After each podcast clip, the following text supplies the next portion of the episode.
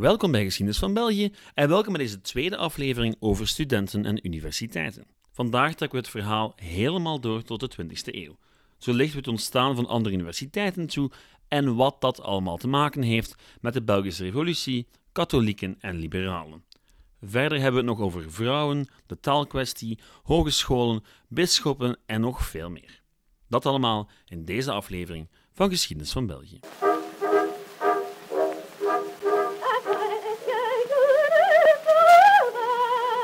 Goed. Vorige week hadden we het al over het concept student en hoe zich dat in de loop van de middeleeuwen in onze streek manifesteerde. En daarbij viel vooral op hoe tegelijkertijd niks en alles anders was. Studenten zijn immers altijd studenten geweest. Jongeren die hun tijd doorbrachten met enerzijds studeren en anderzijds het ambeteren van de lokale bevolking. Al was de relatie met die lokale bevolking wel een stuk gewelddadiger, inclusief lynchings en gewelddadige rellen over de smaak van wijn, bijvoorbeeld. De universiteiten van toen hadden ook heel veel weg van de hedendaagse tegenhangers, maar er waren wel een heleboel essentiële verschillen. En dat kan ook niet anders, want die maatschappijen waren nog helemaal anders.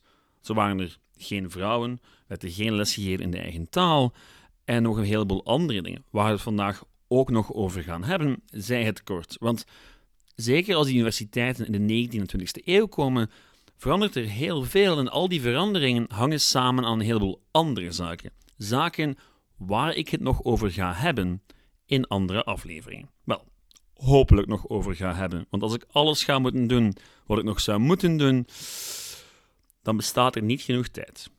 Nu goed, wat waren enkele van de belangrijkste verschillen in de middeleeuwen en met onze huidige universiteiten? Wel, het feit bijvoorbeeld dat universiteiten in die periode nog juridische eilandjes waren met een eigen rechtspraak en een eigen voorrechten. Wat betekende dat studenten en professoren praktisch onschendbaar waren. Maar hoe komen we dan van die situatie naar die van vandaag, waar studenten en proffen ook maar gewone burgers zijn en zeker geen speciale bescherming genieten? Wel, dat heeft eigenlijk alles te maken met de Franse Revolutie, zoals zoveel dingen in de geschiedenis van dit land. Feit is dat veel zaken die in de middeleeuwen ontstonden, eeuwenlang zouden doorgaan op min of meer dezelfde manier, zonder al te veel verandering. En dat geldt zeker voor de zuidelijke Nederlanden. Waar in het noorden na de opstand heel wat zaken op de schop gingen, leken het zuiden de tijd wat meer stil te staan. Nu, het had ook anders gekund. En hier moet ik even in herhaling alvorens verder te gaan. Aan het begin van de 16e eeuw was de Universiteit van Leuven een broeiplaats van het humanisme. Nieuwe ideeën over wetenschap, religie en het menselijk lichaam werden er ontwikkeld. Niet in het minst doordat een zekere Desiderius Erasmus, ja, die Erasmus, er neerstreek. En plots werd er naast Latijn ook Grieks en Hebreeuws bestudeerd en werd kritisch onderzoek van belang. Nu, al dat kritisch onderzoek en kritisch denken bracht ook een donkere wolk met zich mee. Zeker voor de zuidelijke Nederlanden, zijnde de Reformatie, de Contra-Reformatie en uiteindelijk ook de opstand en de 80-jarige oorlog. En de religieuze split binnen de katholieke kerk betekende dat een heleboel mensen partij moesten kiezen. En dat er voor tegengestelde meningen dus plots geen plaats meer was. Het gevolg was dat heel wat ruimdenkende geesten de benen moesten nemen. En dat het wetenschappelijk onderzoek en het universitair onderwijs min of meer bleef stilstaan. Daar wordt nog wel over gediscussieerd, maar Feit is dat de grote discussies aan de universiteit vooral theologisch van aard waren. Daarom niet minder belangrijk, maar tja, echt grote baanbrekende wetenschap, die moest je niet meer gaan zoeken in Leuven. Nu, Leuven was katholiek, maar werd eigenlijk aangestuurd door de overheid, niet zozeer door de kerk. Maar die overheid was in heel die periode natuurlijk contra-reformatisch en conservatief en beschouwde de lage landen, en zeker de zuidelijke, als een soort van front tegen het protestantisme en tegen al die ketterse gedachten. Dus ja, die universiteit die werd ook zo gemanaged. En van een neutrale wetenschappelijke universiteit was niet echt sprake. Wel, dat zou gaan veranderen. Eerlijk gezegd zou alles gaan veranderen op het einde van de 18e eeuw, met de komst van, jawel, de Franse Revolutie. Het is redelijk moeilijk te begrijpen hoe belangrijk de impact daarvan wel was op het België van vandaag. En echt op alle vlakken. De zuidelijke Nederlanden werden bij de haren gegrepen en hardhandig de moderniteit ingesleurd. Er waren wel al pogingen geweest om bepaalde vernieuwingen door te voeren. Denk maar aan Jozef II bijvoorbeeld, die tijdens zijn regeerperiode de macht van de kerk aan banden probeerde te leggen. En daarmee onbedoeld een revolutie ontketende. Maar goed, feit is dat de Franse revolutie een heleboel verandering met zich meebracht. Kort samengevat, het hele ancien regime ging op de schop. Gildes, tollen, de kerkelijke macht, adel, er werd met alles komaf gemaakt. En hoewel sommige van die dingen in eer hersteld zouden worden, zouden veel van die zaken gedaan blijven. Zo ook de Universiteit van Leuven. Want die sloot de deuren op 9 november 1797 en zou nooit meer opengaan. Want ja, de KU Leuven positioneert zich dan wel graag als eeuwenoud, maar eigenlijk zitten er wel enkele gaten in die geschiedenis.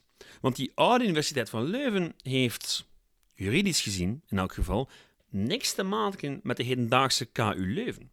Je zou zelfs kunnen zeggen dat de oudste universiteit van het land niet die van Leuven is, maar die van Gent en Luik. Met een voorsprong van zo'n slordige 17 jaar zelfs. Om alles nog erger te maken voor Leuven, werd de vervanger van de universiteit, de nieuwe Napoleontische Academie, in Brussel neergeplant. Wat eigenlijk best logisch was. Brussel was een van de twaalf academies over het hele Franse keizerrijk en voor onze regio was Brussel nu eenmaal nog altijd de belangrijkste stad. Nu goed, het keizerrijk bleef natuurlijk niet bestaan, dus ook niet de Academie de Bruxelles. Wat ons brengt tot onze universiteiten van vandaag. Wel, twee ervan in elk geval. Want met het einde van Napoleon kwam onze oude vriend Willem I aan de macht. En die had een heleboel plannen. Ook voor het onderwijs. Wat het hoger onderwijs betreft, ging het over de oprichting van drie universiteiten: de Rijksuniversiteiten van Gent, Luik en Leuven. Oh ja, er heeft ooit zoiets bestaan als de Rijksuniversiteit van Leuven, een universiteit die op geen enkele manier katholiek was. Vandaag de dag ligt niemand nog wakker van het verschil tussen de UGent en de KU Leuven, maar in de 19e eeuw was het verschil tussen een staatsuniversiteit en een katholieke universiteit wel degelijk relevant. Willem I richtte die rijksuniversiteiten op, zowel in het noorden als het zuiden, met de bedoeling om het onderwijs neutraal te maken. Want die rijksuniversiteiten die werden door de overheid bestuurd en betaald. En dansen dus volledig naar de pijpen van die overheid. Ze hadden geen apart juridisch statuut, geen eigen rechtssysteem. Ze waren gewoon een overheidsinstelling. Volledig in de lijn van de scheiding van kerk en staat. Een scheiding die we nu redelijk normaal vinden, maar in de 19e eeuw nog heel revolutionair was.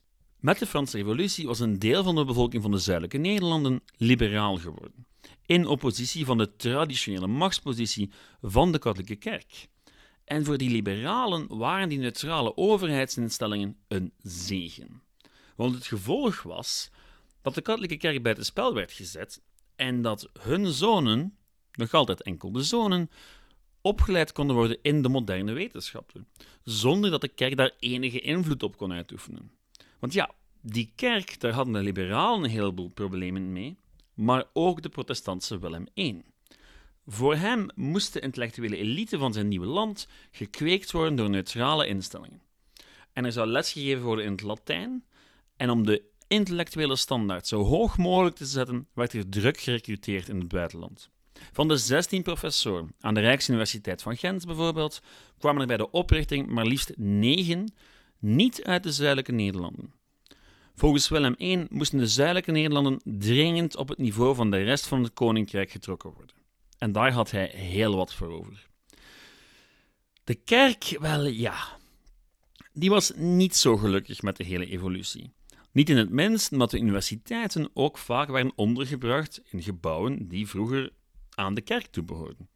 Want ja, met de Franse Revolutie waren er een heleboel oude kloostergebouwen leeg komen te staan, die onder Willem I toegewezen werden aan de universiteiten. En de Rijksuniversiteiten waren zo ook een doorn in het oog van veel katholieken. Al waren er wel nog een paar dingetjes, want, uh, wel, u weet wel, de Belgische Revolutie. Die revolutie tegen Willem I en zijn hervormingen werd mogelijk gemaakt door een monsterverbond tussen katholieken en liberalen, die besloten om de handen in elkaar te slaan. En nu zou je kunnen denken dat met het verdwijnen van Willem I het lot van de universiteiten op de helling zou komen te staan. Wat eigenlijk niet zo was.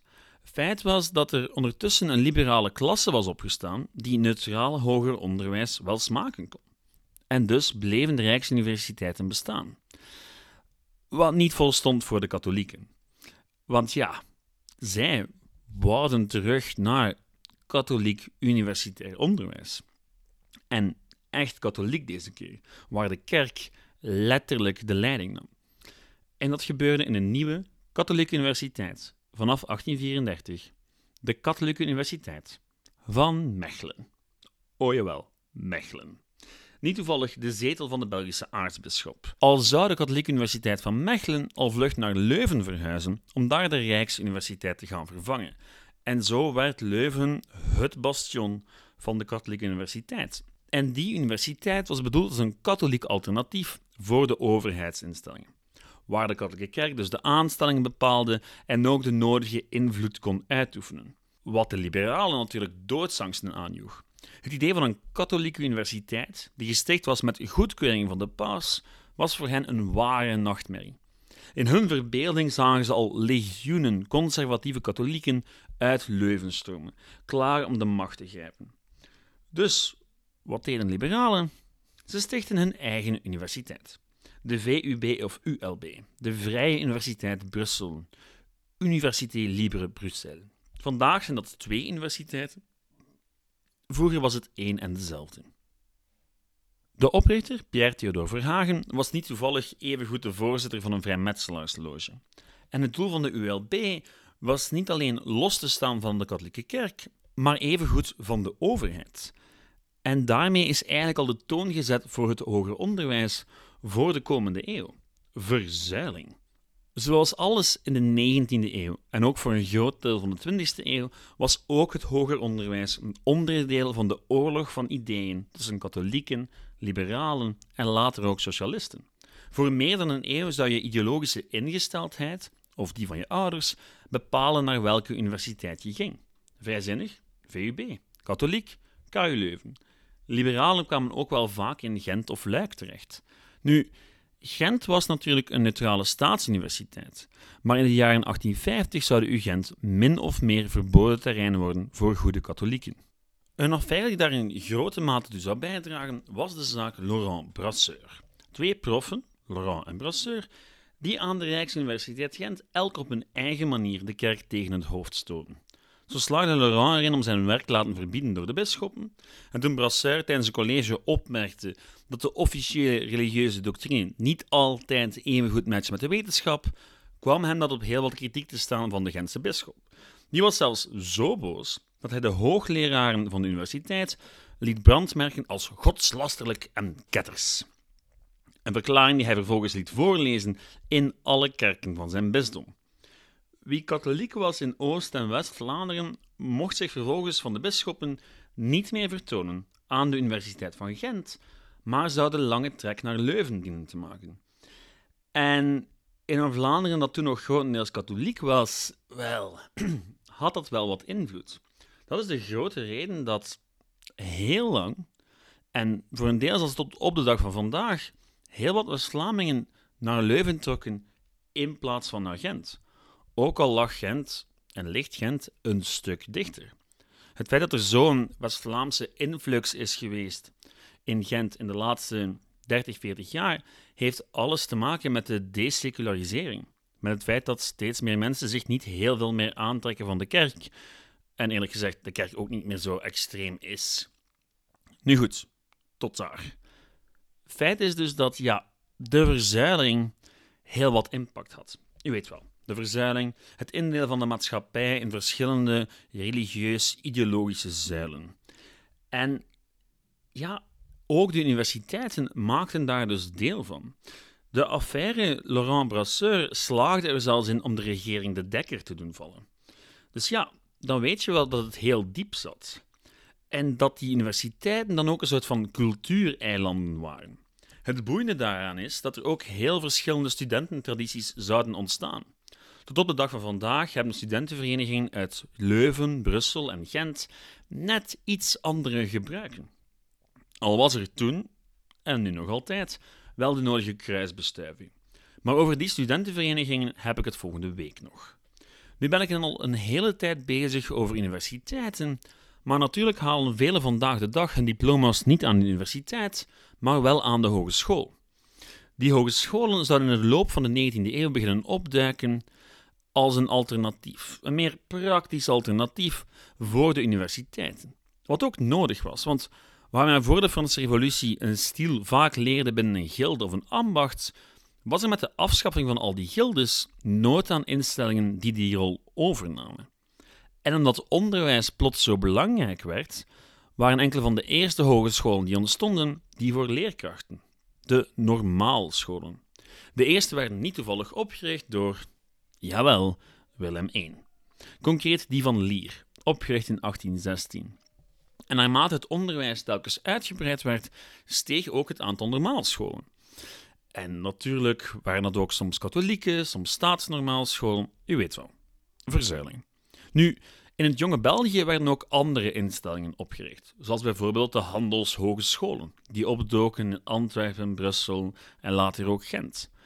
En naarmate de economie veranderde, zou het aantal jongeren die verder studeren aan het hoger onderwijs steeds verder uitbreiden.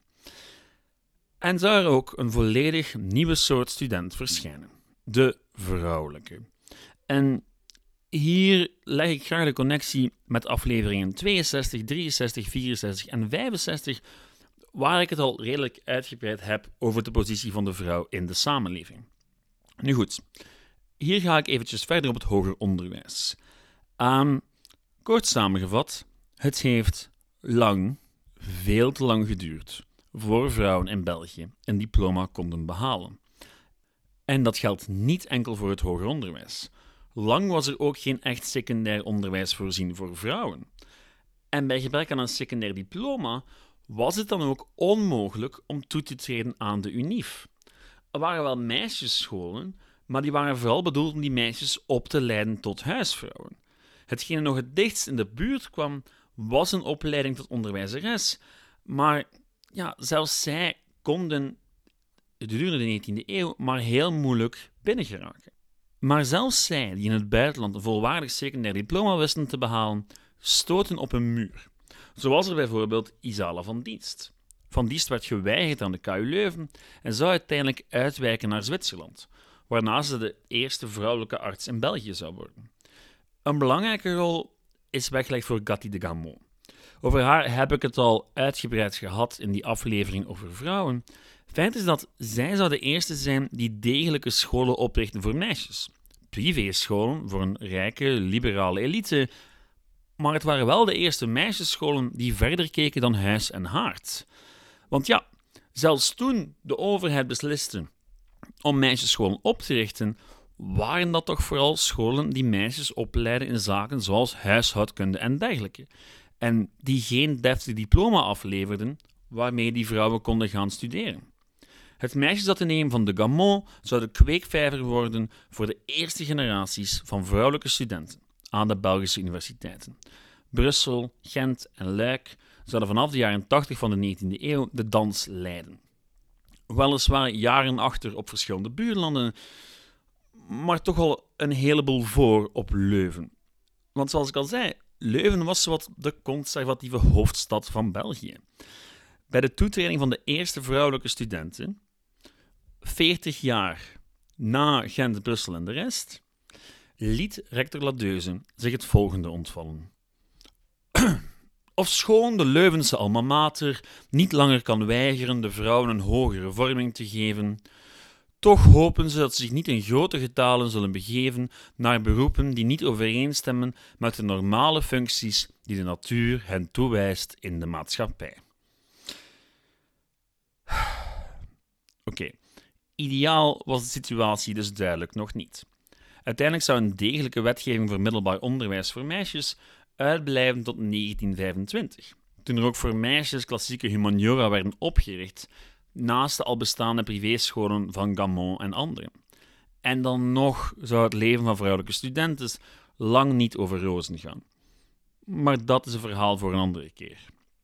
Nog één dingetje voor we langzaamaan afsluiten. De geschiedenis van de Belgische universiteiten en hogescholen is duidelijk heel hard verbonden met de bredere Belgische geschiedenis. De Bourgondiërs, de Reformatie, de 80-jarige oorlog, allemaal hebben ze op een of andere manier impact gehad. Zo ook, natuurlijk, de taalkwestie. Al was die bij de oprichting van de universiteiten van Gent en Luik niet echt een probleem. Onder Willem I was het Latijn de taal op die universiteiten. En voorlopig lag er dan ook niemand wakker van. Maar met de Belgische Revolutie viel het toeziend oog van Willem I weg en kreeg de Belgische Franstalige burgerij het natuurlijk voor het zeggen. En werd de voertaal dus al snel het Frans. En het was pas met het uitgroeien van een Nederlandstalige burgerklasse, die onderricht in haar eigen taal eiste, dat de al dan niet Nederlandstaligheid van de universiteiten een echt strijdpunt werd. Maar dan nog zou het duren tot 1930, tot er een volledig Nederlandstalige universiteit komen zou. Ook dat is een verhaal voor een andere keer. Als we het ook over Leuven-Vlaams en de vele andere aspecten van de taalkwestie zullen hebben. Goed, dat was het voor deze week. En al heb ik heel hard mijn best gedaan, ja, dan nog was dit geen volledig overzicht van het hoger onderwijs in de Belgische geschiedenis. Het was enkel het plaatsen van de eerste puzzelstukjes. Om tot de universiteiten van vandaag te komen, moeten we het nog hebben over de democratisering van het hoger onderwijs. En wel, dat is een verhaal dat ons leidt tot het ontstaan van de welvaartsstaat. En daar heb ik gewoon nog wat tijd voor nodig. Dus wat de universiteiten betreft, laat ik het hier voorlopig wel bij. Volgende week heb ik het eindelijk over de geschiedenis van de studentenvereniging. Want, ehm, wel, dat was eigenlijk de bedoeling. U weet wel, twee weken geleden, maar zoals zo vaak heb ik me laten vangen in de context. Nu goed, studentenvereniging, dat is voor volgende week. Daarmee sluiten we dit trio van afleveringen over studenten af. Binnenkort komt er ook een QA-aflevering op u af. En als u nog altijd vragen hebt, kan u die altijd insturen op geschiedenisvan.outlook.be. Oh, en er is natuurlijk ook de Facebookgroep. Um, sinds kort rukt de podcast weer op in de nationale rankings en ik zou dat heel graag zo houden. Luisteren helpt natuurlijk, maar evengoed het schrijven van reviews op iTunes. Dat soort zaken geeft me heel veel moed om dit hele project nog wat langer vol te houden. Bedankt voor het luisteren en tot volgende week. Ciao!